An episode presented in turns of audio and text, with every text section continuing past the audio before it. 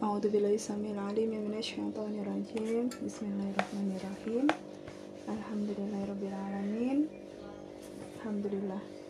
Alhamdulillahirabbil alamin. Saat ini uh, saya terusik ya, terusik untuk membuat satu segmen khusus ya, membahas tentang satu tema yang berjudul uh, mempersiapkan kematian yang manis gitu ya karena memang biasanya kalau membahas kematian pasti sesuatu yang nggak nyaman gitu ya.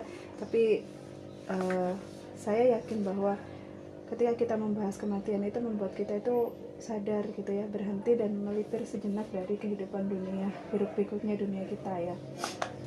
Karena memang kenapa saya terus membahas tentang hal ini? Karena akhir-akhir ini kita paham ya kita tahu banyak banyak kabar gitu ya berita uh, terkait dengan publik figur yang wafat secara mendadak gitu.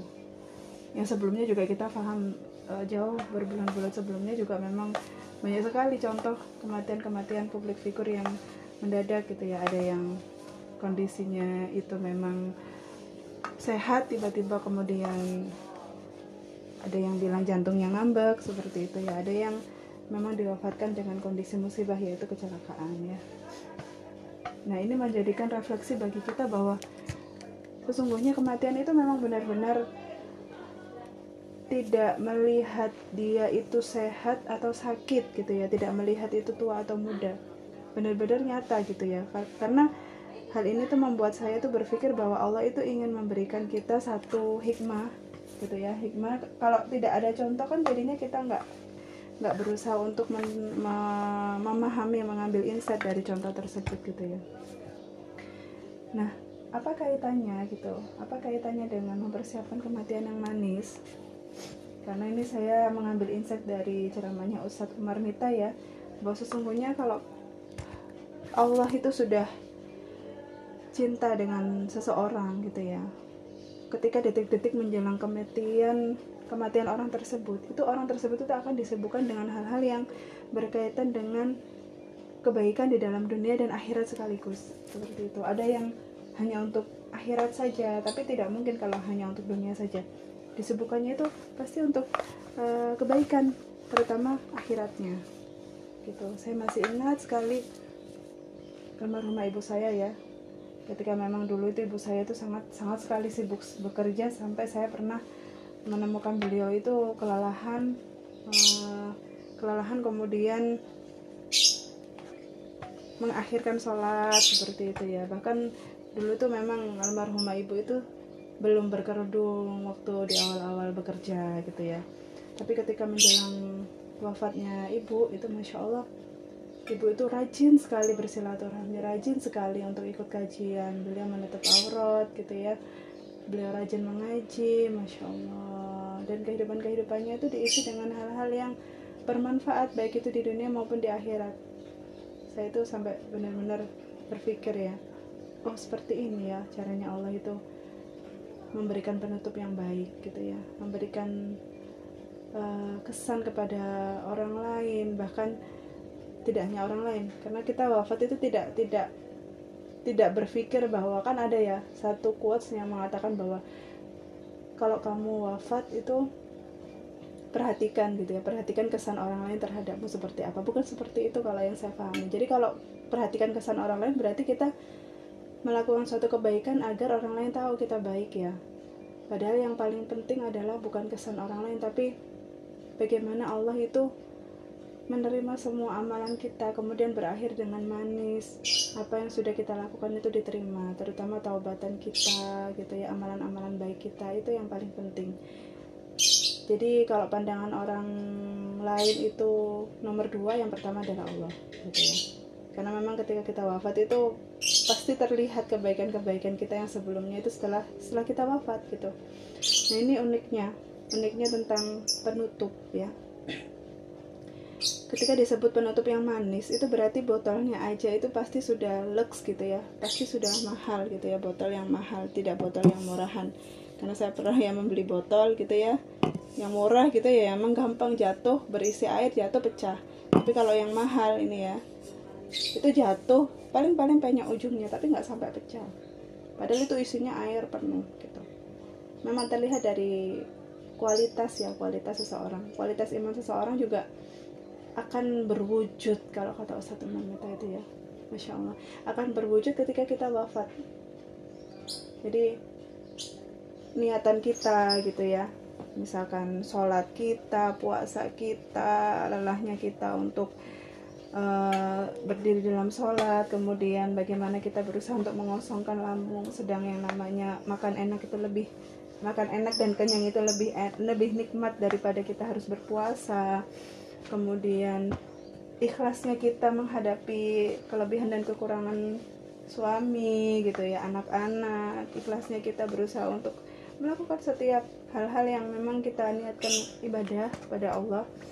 Itu akan terlihat nyata. Kalau sekarang tuh kan yang namanya amalan baik itu kan masih abstrak ya. Kita nggak bisa melihat wujud amalan baik itu seperti apa. Tapi ketika kita wafat nanti itu akan berwujud.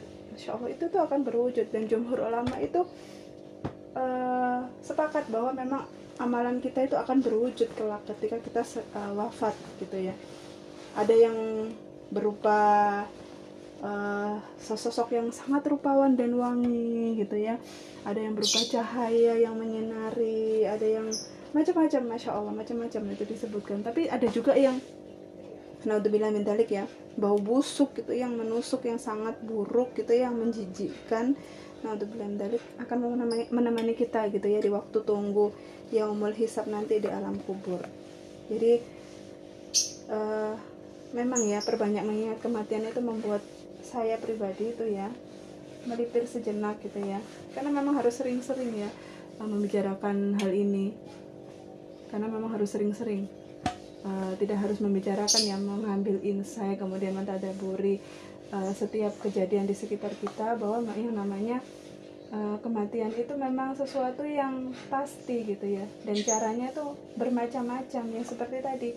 Mungkin seseorang itu sehat gitu ya tapi kemudian wafatnya itu karena musibah. Mungkin seseorang itu tidak tidak terkena musibah tapi wafatnya itu karena memang uh, tiba-tiba sakit yang tidak bisa terdiagnosa dan kemudian munculnya itu mendadak gitu ya macam-macam gitu ya cara orang wafat itu macam-macam.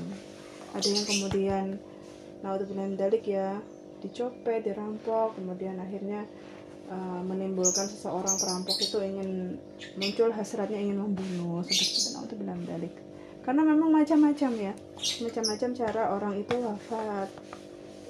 Bahkan tidak tidak kenapa-napa itu tiba-tiba wafat itu ada ya karena memang sudah ajal. Karena kalau memang sudah ajal ya kita tidak bisa memajukan ataupun memundurkan itu yang saya pahami. Nah e, lalu bagaimana cara kita menjemput kematian yang manis gitu ya? Kalau memang kalau memang Allah itu ketika mencintai hambanya akan disibukkan dengan akhirat gitu ya kita harus paham konsep ini dulu. Oh iya berarti kematian yang manis itu adalah akan terwujud ketika kita tuh selalu disibukkan dengan hal-hal yang untuk kebaikan dunia dan akhirat. Karena kita paham saat ini tuh macam-macam ya. Ada orang yang uh, fokus hanya untuk dunianya saja gitu ya. Sukses tapi sukses di dunia. Gitu ya. Di endorse kemudian itu apa ya hidupnya itu nyaman gitu ya. Rumahnya itu bak home decor yang luar biasa. Tapi sibuk dengan dunia gitu ya. Sibuk untuk apa uh, istilahnya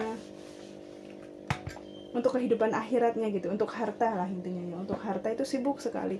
Tapi tidak tidak tidak diniatkan untuk ibadah kemudian tidak diinvestasikan untuk kehidupan akhirat.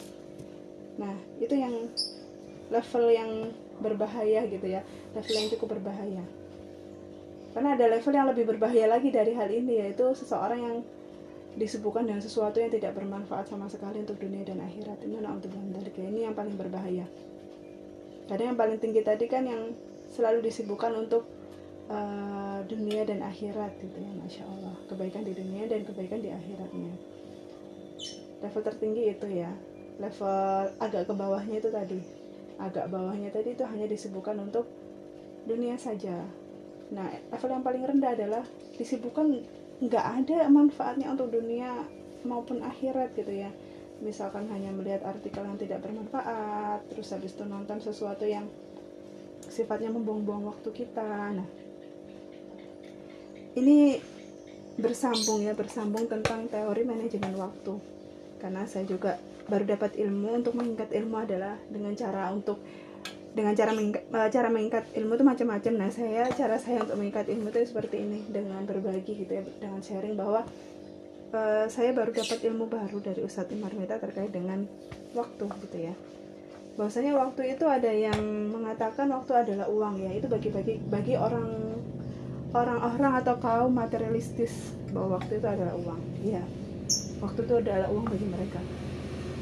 Tapi bagi orang Islam, waktu itu lebih dari uang, yaitu waktu itu adalah pedang. Bisa membunuh kita kapan pun ketika kita melalaikannya, tapi bisa bermanfaat, sangat bermanfaat bagi kita gitu ya.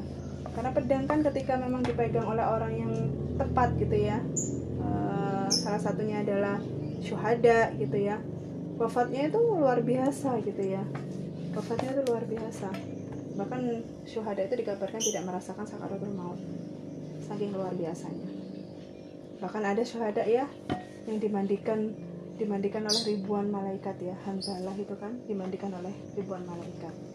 Itu luar biasa. Ketika pedang itu berada pada orang yang tepat untuk memanfaatkannya. Nah dari sini kita paham bahwa saya mendapatkan ilmu tentang manajemen waktu. Hubungan antara manajemen waktu dengan kematian yang manis itu manis itu sangat erat hubungannya sangat sangat erat. Kenapa? Karena ketika kita tidak bisa memanage waktu kita karena kita kan hidup itu kita tuh terdiri dari lembaran-lembaran waktu ya. Kita tuh bernafas segala macam itu kalau tidak ada waktu itu apa kita gitu ya. Kalau sudah selesai waktunya ya sudah. Mau itu kaya miskin sehat gitu ya terkenal sukses orang-orang uh, yang menginspirasi, orang-orang yang baik atau jahat, semuanya kalau sudah terhenti dengan sesuatu yang namanya waktunya sudah selesai, ajal telah tiba ya sudah selesai. Maka dari itu uh, ada nasihat yang luar biasa, yang unik yang saya terima bahwa yang namanya kita ingin sukses dunia akhirat itu kita harus pelit terhadap waktu. Nah ini unik. Kenapa dikatakan pelit? Karena seharusnya kita itu tidak uh, tidak dengan mudahnya membiarkan waktu kita itu terbuang sia-sia. Terbuang percuma oleh hal-hal yang tidak bermanfaat. Jadi kita tuh harus pelit sama waktu kita. Kita harus mengatur waktu kita gimana caranya waktu ini itu bermanfaat. Ini ini tamparan buat saya karena saya jujur ya memang belum bisa manajemen waktu yang baik. Tapi minimal ketika melihat eh, ketika berusaha untuk meningkat ilmu ini saya berusaha untuk berkomitmen ya gimana caranya ya jatuh bangun tidak apa-apa lah gimana caranya yang namanya waktu saya ini bermanfaat karena luar biasa saya uh, mendengar suatu riwayat ya dari Ustaz Umar Mita para salafus saleh dulu itu bahkan ya itu bercerita ketika membuat buku gitu ya. Membuat buku itu uh, tidak berusaha untuk tidak ngemil gitu ya. Kalau kita WFH kalau kita WFO gitu kan kalau bosan kan sering ngemil ya. Akibatnya kita suka sering bolak-balik ke kamar mandi gitu ya kalau uh, para salafis saleh dulu itu sampai berusaha untuk nggak ngemil gitu ya. Supaya tidak membuang waktunya percuma ketika menulis gitu ya. Sampai seperti itunya. Karena apa? Karena tulisan mereka itu bahkan setiap setiap baris di dalam tulisan mereka itu lebih banyak daripada umur mereka masya Allah. Nah bagaimana amal jariahnya? Bagaimana? Masya Allah gitu ya inilah yang disebutkan dengan umur yang panjang karena berkah gitu. Umurnya itu bermanfaat walaupun sudah wafat tapi berkah. Jadi panjang yang disebut umur panjang itu seperti ini. Bukan bukan umur panjang itu adalah harapan hidup yang disebutkan orang-orang barat ya. Bukan tentang semata-mata tentang tingkat harapan hidup yang umurnya itu bisa di atas 100 tahun dan seterusnya gitu ya. Tapi umur yang panjang di dalam Islam itu yang seperti ini yang bermanfaat. Yang bermanfaat Masya Allah. Yang jariah gitu ya umurnya nah ini yang membuat saya itu berpikir ya sudah sudah membuat karya apa ya saya yang bermanfaat ya? Sudah mendidik anak saya yang tepat kah? Sudah menyiapkan keluarga saya untuk jauh dari siksa kubur dan api neraka kah? Itu yang membuat saya itu berpikir. Sepertinya lebih banyak waktu yang saya buang sia-sia ya. Sepertinya saya merasa bahwa waktu ini nggak berharga. Kenapa? Karena kayak terlewati begitu saja karena dunia. Ya kan? Kalau kita selalu disibukkan dunia itu tiba-tiba loh kok sudah weekend ya? Ya kan? Kok waktu ini be ber begitu cepat ya? Ketika kita merasa waktu itu begitu cepat berarti kita itu sudah melalaikan waktu itu. Tapi kalau kita itu merasa waktu itu begitu ayo ngapain lagi nih habis ini? Ayo amalan apa lagi yang harus kita isi nih? Ayo habis ini kalaupun ngurusin anak-anak harus harus mindful nih harus powerful benar-benar hadir untuk mereka. Itu yang membuat saya iya ya apa yang sudah saya lakukan gitu ya. Apakah sudah bermanfaat hidup saya? Bahkan saya pun tidak bisa menjamin beberapa detik kemudian saya masih hidup gitu ya. Tidak ada jaminan. Dan tidak ada jaminan bagi saya itu untuk bisa wafat husnul khotimah ataupun masuk surga. Kecuali memang sahabat sahabat yang pernah dikabarkan Rasulullah sudah sudah sudah dikabarkan bahwa terompahnya saja masuk surga seperti Bilal ya. Bilal ini masya Allah dikabarkan terompahnya saja sebelum Bilal wafat itu sudah masuk surga sudah terdengar suaranya tapi beliau masya Allah sampai akhir hayatnya itu konsisten komitmen untuk senantiasa berpegang teguh kepada agama Allah ini Nah kalau lah kita gitu ya dikabarkan seperti itu bisa jadi kita udah oleng sudah terlalu ter berbahagia dikabarkan surga. Kabar surga itu bukan sesuatu yang biasa, itu luar biasa. Itu sangat luar biasa dan dah, sangat dahsyat kabar kabar tentang surga itu. Karena surga itu sesuatu yang di mana orang itu paling banyak istirahatnya di sana, paling banyak berdiri untuk Ketika seseorang itu ibadah, paling banyak ibadahnya di dunia itu berdiri dan berlelah-lelah ibadah serta bersedekah di dunia, maka paling banyak istirahatnya di surga. Nah, insya Allah jadi uh, refleksi bagi saya. Saya ini banyak tidurnya kayaknya ya, banyak istirahatnya, banyak rebahannya, banyak melakukan hal-hal yang kurang bermanfaat. Nah, seperti apa nanti saya di akhirat?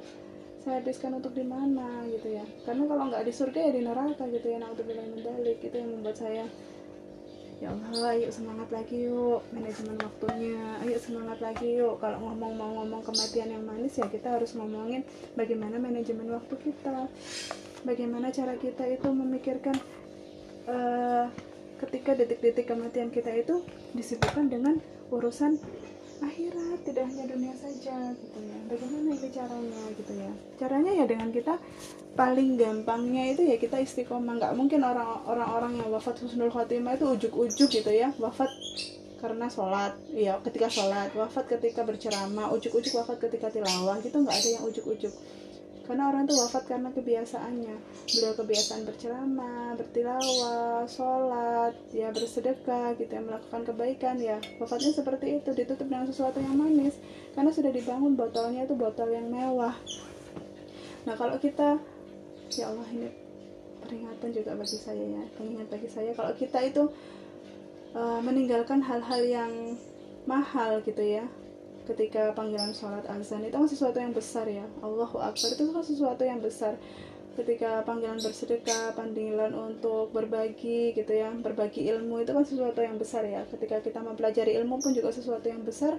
Kita melalaikan itu ya kemudian kita uh, sibuk dengan dunia nonton sinetron nonton drama gitu ya rebahan nge-scrolling hal-hal yang tidak berguna berarti kita akan dapatnya yang receh bukan hal-hal yang besar. Ya kan? Kalau kita ditawarin cek satu miliar sama ditawarin recehan ya kan? Cuma dua ribuan untuk tukang parkir. Nah berarti kita memilih dua ribuan itu kalau kita memang e, meninggalkan hal-hal yang besar tadi panggilan-panggilan dari Allah gitu ya. Untuk senantiasa e, berdakwah karena dakwah itu memang bukan bukan kewajiban ustadz saja ya. Kita pun bisa berdakwah loh untuk anak-anak untuk diri sendiri menggali ilmu itu masya allah luar biasa pahalanya. Maka dari itu saya berusaha untuk mengingat ilmu berusaha untuk menjadi pengingat diri saya sendiri. Kalau saya sudah mulai oleng lagi saya biasanya mendengar mendengar uh, podcast saya sendiri ya. Oh iya saya pernah uh, berbicara seperti ini loh. Ayo ayo ayo bicaramu itu akan direcord oleh malaikat ya kan kamu harus berusaha untuk uh, konsisten lagi gitu ya akan ditanya. Akan ditanya kalau ketika kamu sudah berbicara akan ditanya kalau apa kamu sudah menjalankan apa yang sudah kamu bicarakan gitu. Itu yang membuat saya itu bersemangat ya. Harus harus bersemangat bukan menjadikan saya itu takut. Wah ya udah nggak usah berbicara lah kalau nanti di gitu ya bukan berarti seperti itu. Karena kita pun nggak berbicara pun juga ditanya nanti sama malaikat sudah punya ilmu kok nggak disampaikan atau mungkin ya udahlah saya nggak mau mencari ilmu. Nah akan ditanya juga kenapa kamu nggak mencari ilmu? Bukankah perintah mencari ilmu itu dari yang dari lahir hingga liang lahat gitu? Akan terus ditanya gitu ya. Maka yang paling aman adalah kita yang berusaha untuk ya menjalankan itu tadi apa yang kita katakan dengan apa yang kita perbuat ya. Kita harus berusaha untuk sungguh-sungguh yuk kita bareng-bareng untuk menutup kehidupan kita itu dengan sesuatu yang manis sesuatu yang lezat sesuatu yang tenang. Kita menjemput Allah itu dengan tenang mengharapkan wajah Allah itu setiap waktu. Kemudian kita berusaha untuk memanajemen waktu kita itu dengan sebaik-baiknya karena kita hanya sekali lagi ya kita hanya terdiri dari lembaran-lembaran waktu gitu ya. Dan diisi dengan apa lembaran-lembaran waktu itu? Dengan kebaikankah keburukankah gitu ya kita paham bahwa tadi sudah saya sebutkan tentang cerita sahabat-sahabat ya salafus soleh yang berusaha untuk pelit terhadap waktu. Nah kita juga harus seperti itu. Mulai pelit terhadap waktu ya. Kita harus paham bahwa kematian itu betul-betul mendadak. Tidak ada orang yang satupun orang yang siap untuk menghadapi kematian itu tidak ada. Bahkan Rasulullah pun tidak tahu kapan beliau wafat tidak ada orang yang siap. Kalau ada yang bertanya ada nggak sih tanda-tanda kematian? Ah akan setara sendiri gitu ya. Tanda-tanda kematian itu katanya ubun-ubun kayak ditarik perut kayak dililit-lilit. Nah orang yang GERD orang yang anxiety itu tanda-tanda itu muncul semuanya. Lalu apakah hanya dengan tanda-tanda kemudian kita bisa mempersiapkan? Belum. Mempersiapkan itu bukan karena dari tanda-tanda gitu ya. Kita melihat public figure kemarin tuh sesaat sebelum wafat kan masih bisa berbahagia gitu ya update insta story senyum-senyum. Apakah ada tanda? Tidak ada tidak ada. Beliau tidak tidak tidak mengira bahwa akan ajalnya di situ. Kita juga sama. Tidak usah kita sibukkan dengan tanda apa ya. Tidak tidak usah kita sibukkan dengan itu. Tapi sibukkanlah dengan isi amalan tadi. Buat saya sendiri nih. Ini nasihat buat saya sendiri bahwa yuk kita bareng-bareng menutup kematian kita dengan kematian yang manis yuk sudah sudah banyak informasi, sudahlah banyak ceramah tentang Ustadz, kita tinggal merefleksinya dalam kehidupan, apa yang bisa kita lakukan, hal-hal sederhana apa, apa yang bisa kita rubah, waktu yang mana yang bisa kita rubah pelan-pelan. Nggak bisa memang kita sehari bisa full seperti salafus soleh memanfaatkan waktunya begitu pelit, tapi minimal kita mulai meningkatkan kualitas waktu kita ya, kualitas e, mengurus anak-anak, kualitas dalam mengurus rumah, kualitas untuk memperbaiki diri sendiri gitu ya. Kualitas untuk mengajak orang lain untuk kebaikan supaya kita dapat amal jariah. Nah kualitas-kualitas itu yang mulai kita, yuk kita tingkatkan lagi gitu ya. Saya yakin saya yakin ketika kita berazam kita pasti dimudahkan oleh Allah. Faida azamta fatawakal ala Allah. Kita sudah berazam kita sudah berikhtiar kemudian kita senantiasa untuk bertawakal hasilnya ya kita mengharap ridho Allah saja gitu ya kalaupun memang hasilnya nggak baik ya minimal proses kita sudah kita niatkan karena Allah kan? Allah tahu Allah maha tahu Allah maha sayang Allah maha dekat Allah maha lembut Allah maha ya Allah wa ilaihis innahu ala kulli syai'in ya apa ya? Allah itu maha apa ya? Maha tahu isi dalam hati kita gitu lah ya. Wa asiru qawlakum aw jaharu bi innahu ala kulli syai'in qadir wa ilaihi nusyur ya. Allah itu maha benar-benar maha tahu yang ada di dalam hati kita gitu ya. Saya itu sampai lupa ayatnya ya masya Allah. Saking apa ya saking menghayatinya uh, mengambil hikmah ini tuh sampai saya lupa ayatnya. Itu ada di dalam surat al-mulk ya bahwa Allah itu uh, maha mengetahui isi di dalam hati. Gitu. Innahu innahu alimum bidzati sudur. Ya ayat Al-Mulk ayat 13 ya. Sesungguhnya Allah maha mengetahui segala isi hati gitu ya. Jadi jangan jangan pernah menyerah untuk meraih ridhonya Allah meraih rahmatnya Allah.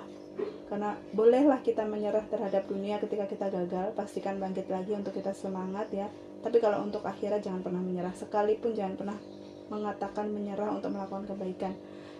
Karena Allah itu ya kan tidak akan pernah sesuai prasangka hambanya. Kalau kita sudah menyerah ya sudah selesai. Tapi kalau kita terus gitu ya bahasanya ngenger untuk berusaha menutup kehidupan kita itu dan kehidupan yang manis insya Allah Allah juga akan memudahkan langkah kita. Ya bareng-bareng ya bisa insya Allah kita menyebut kematian yang manis.